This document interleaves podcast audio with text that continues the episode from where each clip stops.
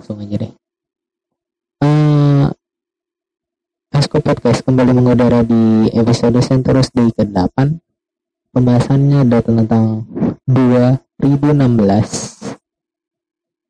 Bareng sama gua Esa Gue sama Putra, lo lagi dengerin Asko Podcast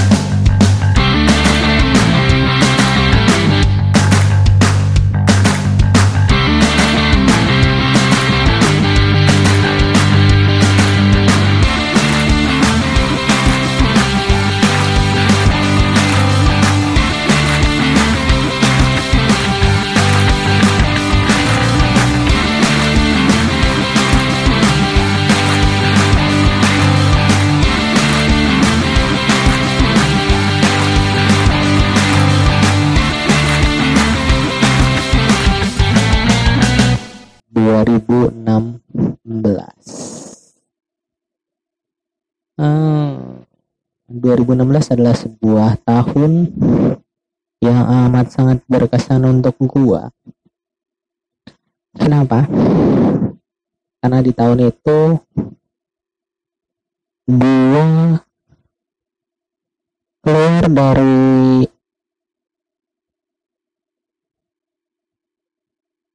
sebuah lingkaran seorang remaja yang mulai terjun ke dunia orang dewasa di mana di tahun 2016 itu gue lulus dari sekolah menengah akhir. Iya 2016 gue lulus. Akhirnya gue merasakan apa-apa yang dulu pada saat gue kesalkan pada saat sekolah kayak misalnya gue males ke sekolah pengen libur panjang terus pengen terbebas dari tugas-tugas. Dan akhirnya pada saat itu ketika gue selesai literally tepatnya itu pada saat gue selesai ujian nasional waktu itu gue masih ujian nasional ya. Gue mulai merasakan yes bebas. Nggak ada tugas-tugas lagi nggak ada PR-PR lagi nggak ada beban nggak ada beban maksudnya beban. Pikiran untuk ngerjain tugas-tugasnya nggak ada beban. Terus abis itu gua pengen ngerasain yang namanya main sepuasnya karena pada saat itu pada saat gue sekolah menengah akhir sorry gue gue sekolah di sekolah menengah kejuruan ya. Gue itu sekolah dari jam setengah delapan pagi sampai pulang itu jam setengah empat sore. Apalagi pas kelas tiga itu gue pulang abis ma eh sebelum maghrib setengah enam karena ada kayak bimbel tapi yang dilakukan di sekolah gitu yang di gurunya tuh ya guru guru-guru mata pelajaran yang di ujian kan nanti gitu. Di U di UN kan. Mata pelajaran yang ada di UN gitu kan. Jadi gue ngerasa yes bebas. Bebas bebas bebas bebasnya gue pengen main. Sepuasnya pada saat itu gue pengen tidur sepuasnya karena tidur gue nggak kurang-kurang amat sih. Karena pulang sekolah uh, mandi main sebentar sampai habis maghrib. Walaupun memang kebanyakan gue habiskan di rumah gitu kan. Karena waktu main gue sebentar gue di rumah sampai besokan paginya lagi sekolah lagi. Ya gitu-gitu deh. Makanya gue merasa kayak ngerasa tuh nggak enak banget ya jadi anak sekolah pada saat itu. Cuman semua itu sirna ketika satu bulan pertama gua di rumah aja tidak ngapa-ngapain. Jadi waktu itu gua sekolah lulus sorry.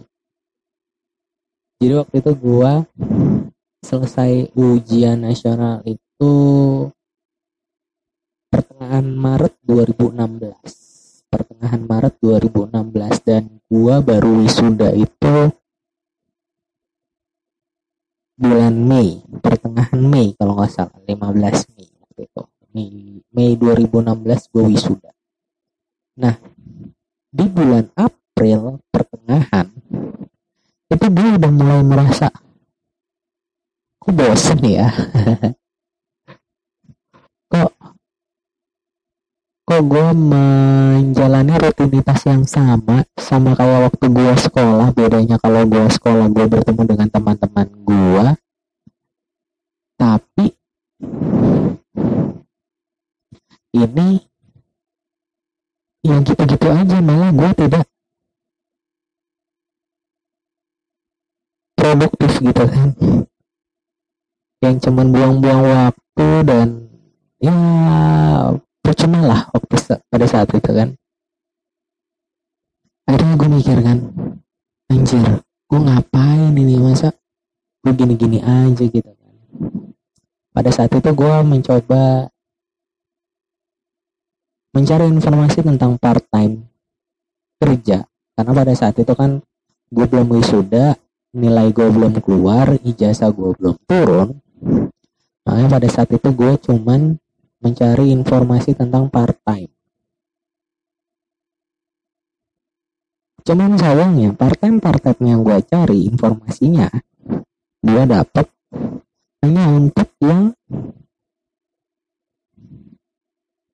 kerja di bidang perhotelan sama restoran. Itu bukan keahlian gue karena gue pada saat itu ya pada saat itu gue memiliki latar belakang pendidikan. Karena gue sekolah di sekolah menengah kejuruan. Latar belakang gue adalah akuntansi gitu kan. Dan gue pikir pada saat itu gue mikir kayaknya ini kontradiktif gitu dengan apa namanya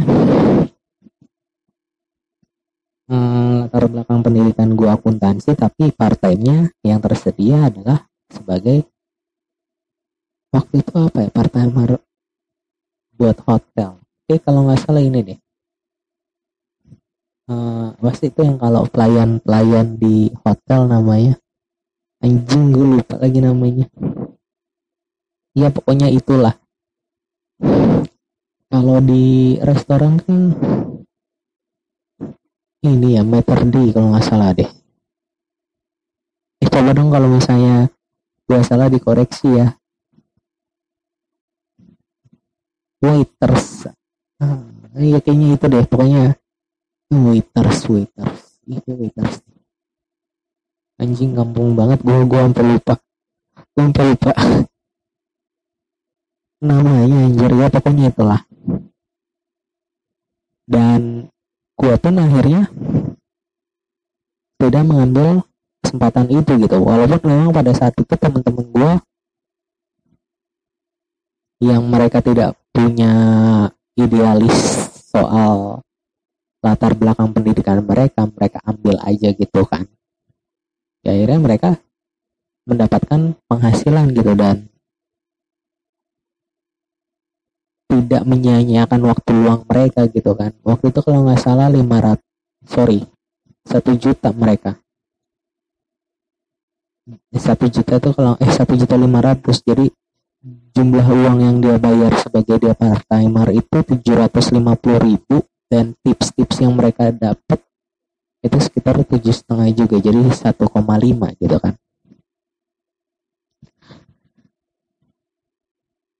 Pada saat itu gue langsung mikir anjing kenapa gue nggak ambil ya? Cuman karena gue mikir gue idealis orangnya ya sudahlah. Gue mikir kesempatan akan ada lagi gitu kan. Sekalian gue nunggu ijazah ijazah gue keluar paling nggak seenggaknya surat keterangan lulus lah. Sehingga gue bisa melamar pekerjaan ke sebuah perusahaan. Tapi balik lagi kembali lagi sayangnya tidak sesuai dengan ekspektasi gitu kan. Yes kalau kita mau ngomongin ekspektasi kita selalu berekspektasi tinggi tapi ternyata kenyataannya tidak setinggi itu. Yang akhirnya ketika gue mendapatkan surat keterangan lulus dan gue mencoba-coba untuk mencari dan melamar pekerja di perusahaan-perusahaan sayangnya mereka tidak menerima siswa-siswa yang gimana ngomongnya ya?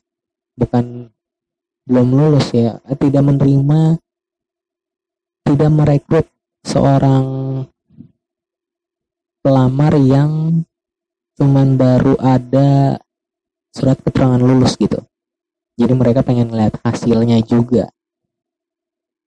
Ya, akhirnya kembali lagi gua menganggur sampai bulan Oktober karena gue baru dapat ijazah itu bulan Oktober karena pas pada saat wisuda itu kan cuman baru simbolik surat keterangan lulus yang di dalam toganya itu kan yang siswa bernama ini telah dinyatakan lulus dengan hasil bla bla bla. Tapi kan hasil bla bla bla nya ini kan gak rinci gitu kan.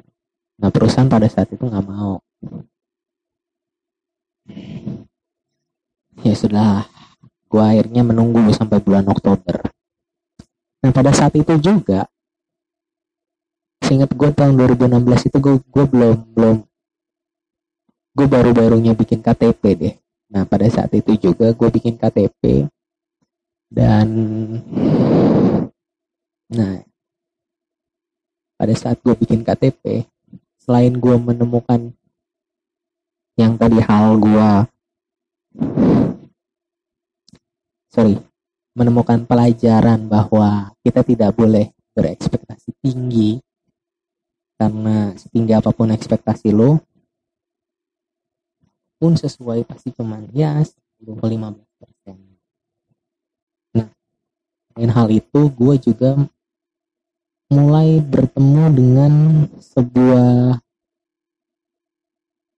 gue nyebutnya birokrasi yang berbelit-belit gitu kan. Kenapa gue bilang kayak gitu? Karena pada saat gue bikin KTP pada saat gue bikin KTP gue itu harus memenuhi persyaratan-persyaratan yang diminta sebagai syarat membuat KTP waktu itu persyaratannya adalah surat keterangan RT RW surat pengantar RT RW lalu beda kan kalau sekarang kan udah nggak perlu itu kan. Tinggal datang ke kelurahan ngasih fotokopi akte kelahiran sama kakak doang kalau nggak salah. Nah kalau dulu surat keterangan RT RW terus abis itu fotokopi akte kelahiran fotokopi akte kartu keluarga, fotokopi ini apa namanya kartu identitas anak. Pada saat itu kartu identitas anak gue tidak buat, karena buat apa juga gue pikirkan. Jadi gue tidak melampirkan itu, tapi gue disuruh melampirkan fotokopi KTP almarhum bokap gua terus sama KTP ibu gua gitu kan cukup banyak waktu itu. Mintanya sekitar ya dua rangkap dua rangkap. Eh sorry tiga rangkap. Jadi gue harus bolak-balik ke RT kenapa gue bilang sebut gue sebut bolak-balik? Karena RT-nya waktu itu eh sorry RT eh, gue ke RT RT-nya enak. Cuman pada saat gue harus minta tanda tangan RW gue harus bolak-balik ke rumah RW bukan RT ya sorry RW nah si RW-nya ini nih sok sibuk nih. Sok sibuk nih RW-nya by the way bukan RW yang sekarang gue tinggal ya RW yang dulu gue tinggal ya. Karena dulu waktu itu gue masih statusnya warga Jakarta. Sekarang kan gue warga Depok ya. Nah pada saat itu gue bikin di Jakarta. Nah RW nya ini eh, susah banget dimintain tanda tangan. Jadi gue harus nunggu gitu kan sampai dia pulang. Karena gue nggak tahu dia kerjanya apa di luar. Pokoknya dia tuh bisa sehari ini nggak pulang besok pulang atau misalnya hari ini nggak pulang besok juga nggak pulang. Jadi nggak nentu pulangnya kapan. RW-nya Bang Toib kayaknya tuh. Ya akhirnya pada saat itu karena gue udah muak gue bilang ya udah ini data saya saya titip ya saya titip.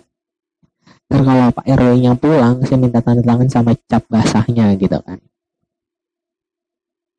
Bener aja dong. Setelah sekitar seminggu gua nunggu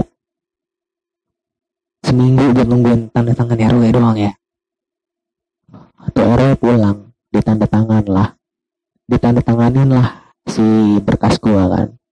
Dan ini selesai nih saat gua ke kelurahan kenapa gua bilang berbelit-belit yaitu dari RT ke RW habis itu ke kelurahan amat sangat berbelit-belit Nah, gue kelurahan. Pada saat di kelurahan, gue masukin berkas gue, ternyata tidak hari itu juga gue dilayan, maksudnya dilayanin tapi tidak saat itu juga KTP gue jadi. Karena pada saat itu katanya belangkonya habis atau apa. Gue lupa. Jadi pada saat itu gue cuma masukin berkas, habis itu nanti gue bakalan dihubungin lagi katanya untuk foto dan rekam sidik jari. Sangat amat berbelit-belit bukan? Nah, akhirnya ya sudah. Gue tanya kan, tapi sebelumnya berapa lama? Ya paling lama dua minggu. Jadi setelah gue nunggu seminggu di RW, gue harus nunggu lagi nih se dua minggu ke depan. Dan benar saja dua minggu kemudian gue ditelepon sorry waktu itu di WA gue di WA sama salah satu orang kelurahannya untuk datang foto dan rekam sidik jari adalah gue datang kan. Pada saat itu rumah gue sudah di Depok tapi gue masih berstatus warga Jakarta karena gue belum mengurus pindah gua karena satu dan lain hal. Jadi ya sudahlah. Gua datang dari Depok ke Jakarta Barat pada saat itu. Uh, gua sampai di kelurahan gua foto dan rekam sidik jari dan mata. Tapi sayangnya gue disuruh nunggu lagi selama seminggu untuk dicetak KTP-nya jadi pada saat itu gue cuman menerima kayak resi kertas gitu surat keterangan kependudukan surat keterangan data kependudukan kalau nggak salah namanya jadi isinya ya hampir sama kayak KTP tapi lebih panjang aja. Jadi selama seminggu gue nungguin. Dan gokil gokil. Ternyata gue tahu nggak cuman gue doang banyak orang-orang di sekitar gue yang juga sama halnya kayak gue mengalami hal yang sama kayak gue ya mereka ada yang sampai tiga bulan enam bulan hampir. Ada yang setahun cuman megang surat resinya itu gue bilang gila banget. Itu kalau nggak salah masih zaman zamannya korupsi iktp deh. Makanya kayaknya yang bikin lama tuh itu deh. Tapi gue bersyukur pada saat itu seminggu bener gue seminggu akhirnya gue dapet KTP yang sudah dalam bentuk kartu blanko dan pada saat itu gue mulai berpikir wah ternyata begini ya birokrasinya pemerintahan. Sangat amat berbelit-belit. Karena kenapa gue bilang kayak gitu? Karena sampai sekarang pun ketika ketika kita mau melakukan sebuah pengadministrasian katakanlah kayak melamar kerja atau misalnya uh, mau ngurus-ngurus yang lain gitu kan itu tuh masih dimintain fotokopi KTP gitu buat apa ya? Padahal kan namanya elektronik KTP harusnya kalau elektronik KTP dan udah ada chipnya ya ngapain harus pakai fotokopi gitu kan? Sangat amat berbelit-belit untuk gua. Untuk gua ya. Dan harusnya tuh harusnya sistem kita tuh udah ke BCA gitu jadi uh, eh, KTP kita tinggal di scan udah muncul langsung data-data kita. Nah kayaknya itu juga udah udah ada ya di Dukcapil loh Dukcapil sekarang kayak gitu deh. Karena kalau nggak salah kalau misalnya KTP kita rusak patah kita mau ganti baru kita datang ke dukcapil. Ada kayak mesin ATM-nya gitu. Kayak sejenis mesin ATM kita cuma tinggal masukin nick sama nomor kakak kita nomor kartu keluarga kita habis itu nanti muncul data-data kita habis itu kita tinggal cetak KTP kalau nggak salah sekarang birokrasinya udah sedikit agak mudah. Jadi nggak perlu fotokopi fotokopi lagi nggak perlu ada surat-surat pengantar lagi. Jadi ya bersyukur alhamdulillah sekarang tidak seribet dulu ya. Cuman gue pernah mengalami itu yang akhirnya gue melihat oh seribet ini ya. Menjadi seorang dewasa. Akhirnya gue mengambil kesimpulan seperti itu kan. Dan ke masalah hidup gue yang mulai terjun ke dunia orang dewasa gue pun akhirnya mendapat sebuah pekerjaan di salah satu bank swasta yang gak gede-gede banget yang di mana di situ gue akhirnya belajar banyak hal mulai dari gue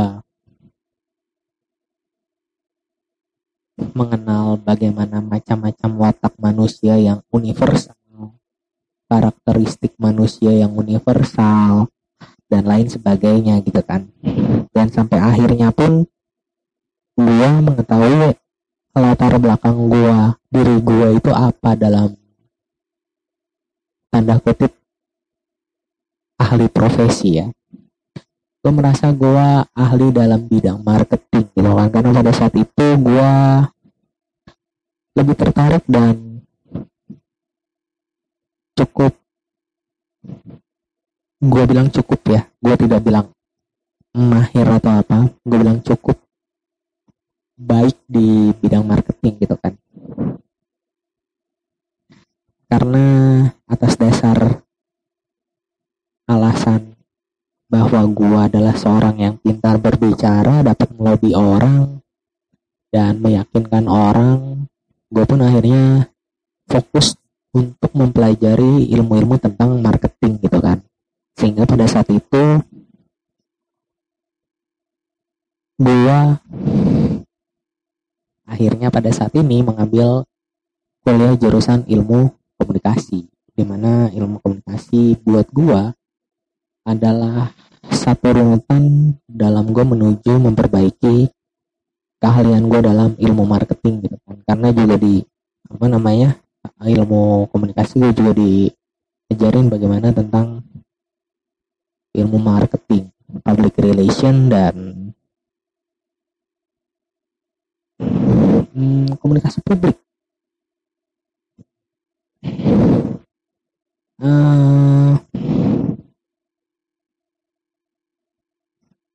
salah gitu gue lupa. Sorry ya gue yang kayak gue bilang di episode episode sebelumnya gue scripted jadi gue harus baca skrip dulu. Dan oh ya selain hal-hal tadi yang gue rasakan gue pun akhirnya juga merasakan nggak enaknya jadi seorang manusia dewasa. Di mana gue harus memikirkan bagaimana hidup yang gue pengen jalanin ke depannya. Tentu itu nggak mudah untuk gue cari tahu di mana gue harus merasakan yang namanya krisis di seperempat hidup yang belum lama ini gue alami di mana gue mencari apa sih yang pengen gue lakuin di dalam hidup gue dan hidup kayak apa yang gue pengen jalanin gitu kan itu baru gue rasakan. Krisis di seperempat hidup gue di umur 22 tahun. 21 22 yang akhirnya gue tahu gue harus ngapain. Gue pengen hidup dari apa yang gue seneng lakuin gitu.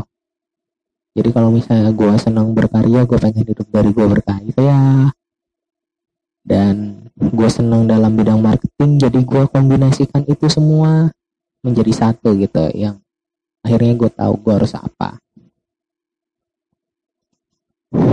Nggak gampang loh melewati fase quarter life crisis itu loh. Yang gue pernah jelasin di episode sebelumnya bagaimana parahnya gue menjalani quarter life crisis gue gue sampai gaslighting sama diri gue terus gue sampai menyalahkan hidup yang sebenarnya bukan hidup yang salah bukan kehidupan ini yang salah tapi guanya sebagai manusia yang memiliki otak ini yang salah gitu kan. Kemudian gue juga akhirnya menemukan dunia baru yang belum pernah gue temuin sebelumnya gitu kan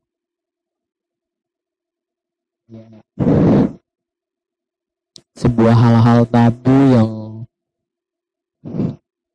dulu pada saat sekolah tidak pernah dibahas tapi ketika gue saat ini dewasa gue bisa gue sudah bisa dibilang dewasa karena umur gue sudah lebih dari 20 tahun.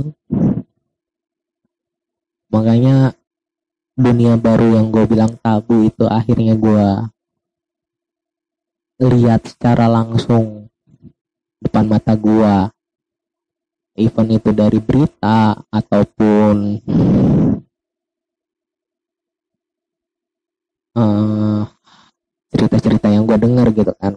Akhirnya gue mengenal dan sedikit banyak tahu tentang hal itu dan tentunya harusnya gue hindari gitu kan. Gue tidak mau terjerumus dalam dunia-dunia tabu seperti itu gitu kan. Dulu memang dulu pada saat sekolah gue hanya mendengar segelintir segelintir aja karena banyak temen gue yang dalam tanda kutip sudah dewasa terlebih dahulu udah dahulu. Sudah lebih dewasa terlebih dahulu daripada gue karena mungkin dari segi pergaulan mereka yang sudah lebih dulu luas ketimbang gue jadinya gue baru baru menemukan itu gitu. Padahal sebenarnya teman-teman gue sudah duluan. Jadi cukup kaget gue melihat hal-hal seperti itu. Dan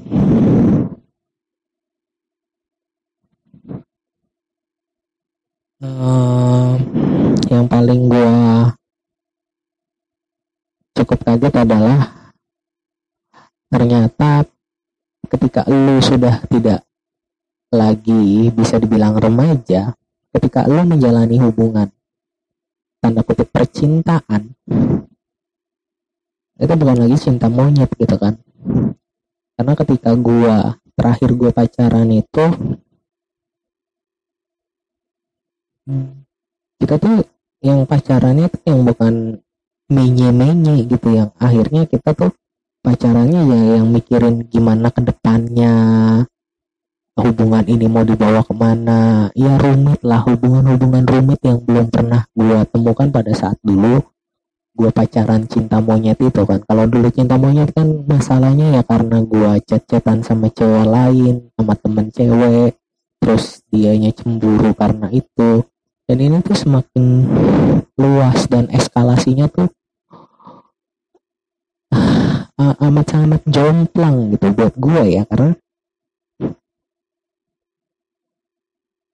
pada fase itu percintaan itu masalah-masalah yang timbul adalah ya hubungan ini mau dibawa ke mana gitu kan? Lu serius sama gua apa enggak? Terus uh, gua melihat cewek-cewek yang tanda kutip orang bilangnya matre padahal sebenarnya ya realistis mereka gue pun juga akhirnya mengiyakan sebagai perempuan sorry sebagai laki-laki kita tidak bisa serta merta bilang cewek itu matre. Karena kematrian mereka itu realistis. Karena lu yang gue pelajarin ya karena gue waktu itu melihat ini kaget dan akhirnya gue mempelajari kasus-kasus dari teman-teman gue yang akhirnya putus dan lain-lain. Itu ya karena mereka para perempuan ini tuh pengennya ya realistis gitu ya. Lo kalau misalnya lo nggak bisa punya kerjaan yang bagus lo nggak bisa punya pendapatan yang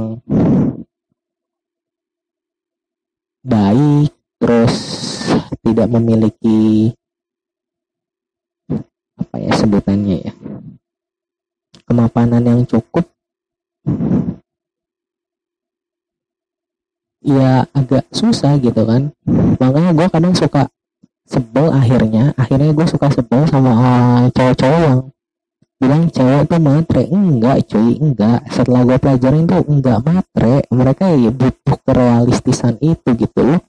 Lo sebagai cowok kita sebagai cowok ya harus realistis juga gitu kan. Karena ah, hidup setelah pernikahan itu berat loh. Nah ini nanti akan gue bahas lagi di episode berikutnya tentang hidup setelah pernikahan itu berat gitu kan. Makanya gue sebel banget tuh sama cowok-cowok yang nganggap cewek matre. Enggak enggak matre. Mereka tuh realistis. Cuman lu nya aja yang enggak mampu. Gue pengen gue bilang pengen gue bilang miskin terjadi masalah lagi. Tapi ya pokoknya itu lalu ngerti lah maksud gue jadi makanya hubungan ini tuh rumit ketika lo mau menjalani sebuah hubungan percintaan dengan pacar lo di saat lo bukan lagi seorang remaja ya lo harus bisa pahamin kerumitan-kerumitan yang ada gitu kan. Dewasa lah makanya itu. Gokil. Gue gue bisa bilang kayak gitu tapi gue nggak pacaran anjir. Karena memang gue tahu kapasitas gue saat ini gitu kan belum saatnya gue untuk pacaran di saat kondisi gue yang lagi baru-barunya keluar dari quarter life crisis gitu loh. Tapi dari semua itu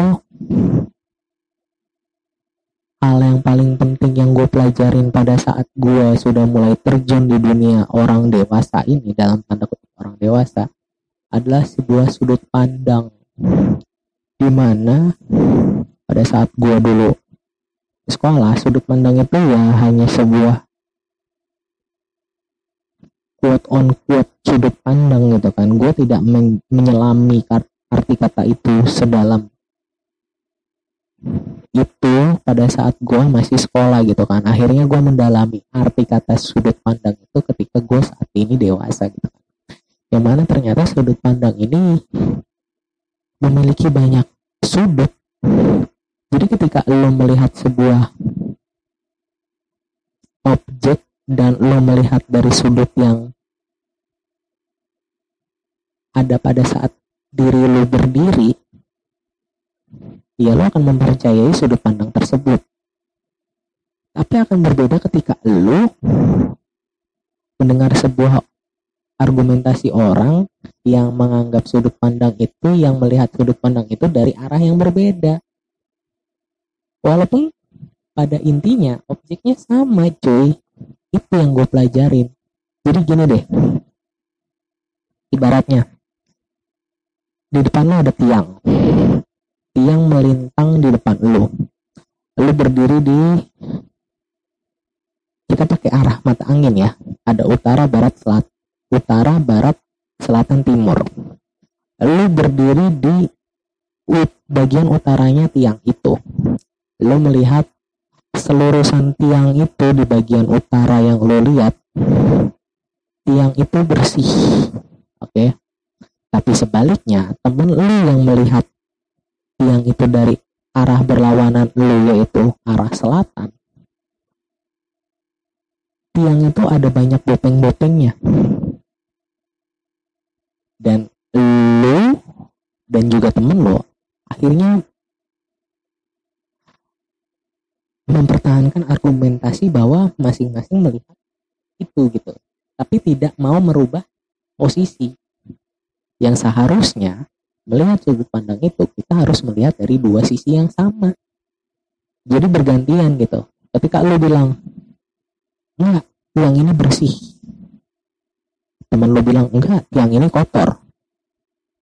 Kalau lo mau lihat kebenarannya iya lo tukeran aja itu nah itu sih yang gue pelajarin sudut pandang. Sama halnya ketika lu berada di tempat melihat tiang itu tapi ada tiga temen lainnya temen lo lainnya anjing. Gua ngomong ya. Akhirnya empat-empatnya melihat dari masing-masing sudut dari tiang itu. Lo dari utara teman lo yang A dari timur, teman lo yang B dari selatan, teman lo yang C dari barat, mereka akan dan mereka dan lo akan mempertahankan argumentasinya masing-masing gitu. Tapi bagaimana melihat kebenarannya itu tadi, lo harus ganti-gantian. Ganti-gantian dalam artian lo harus berpindah posisi lu coba menempatkan diri lu sebagai lu eh sorry lu harus menempatkan diri lu sebagai temen lu yang lagi ada di posisi selatan untuk bisa melihat kebenaran yang ada gitu kan. Pun ketika lu mau melihat semuanya lu harus bergantian juga dengan temen lu yang di barat temen lu yang di timur dan temen lu juga harus melihat lu di posisi selatan. Pokoknya harus ganti-gantian dan akhirnya kita menemukan kebenaran gitu. Makanya banyak dari kita akhirnya salah mengartikan sudut pandang gitu kan. Jadi ketika kita membahas sudut pandang ya mereka hanya membahas satu sisi aja nggak semuanya gitu kan. Kita baru soal tiang listrik gitu ibaratnya tiang listrik gue menganatomikannya tiang listrik. Coba kalau misalnya kita melihat sebuah kubus kanan kiri depan belakang atas bawah itu banyak sisinya sudutnya itu lebih bah itu lebih bahaya lagi. Gitu kan? Makanya gila menjadi seorang dalam kutip orang dewasa itu sulitnya tuh minta ampun gitu kan? Gokil.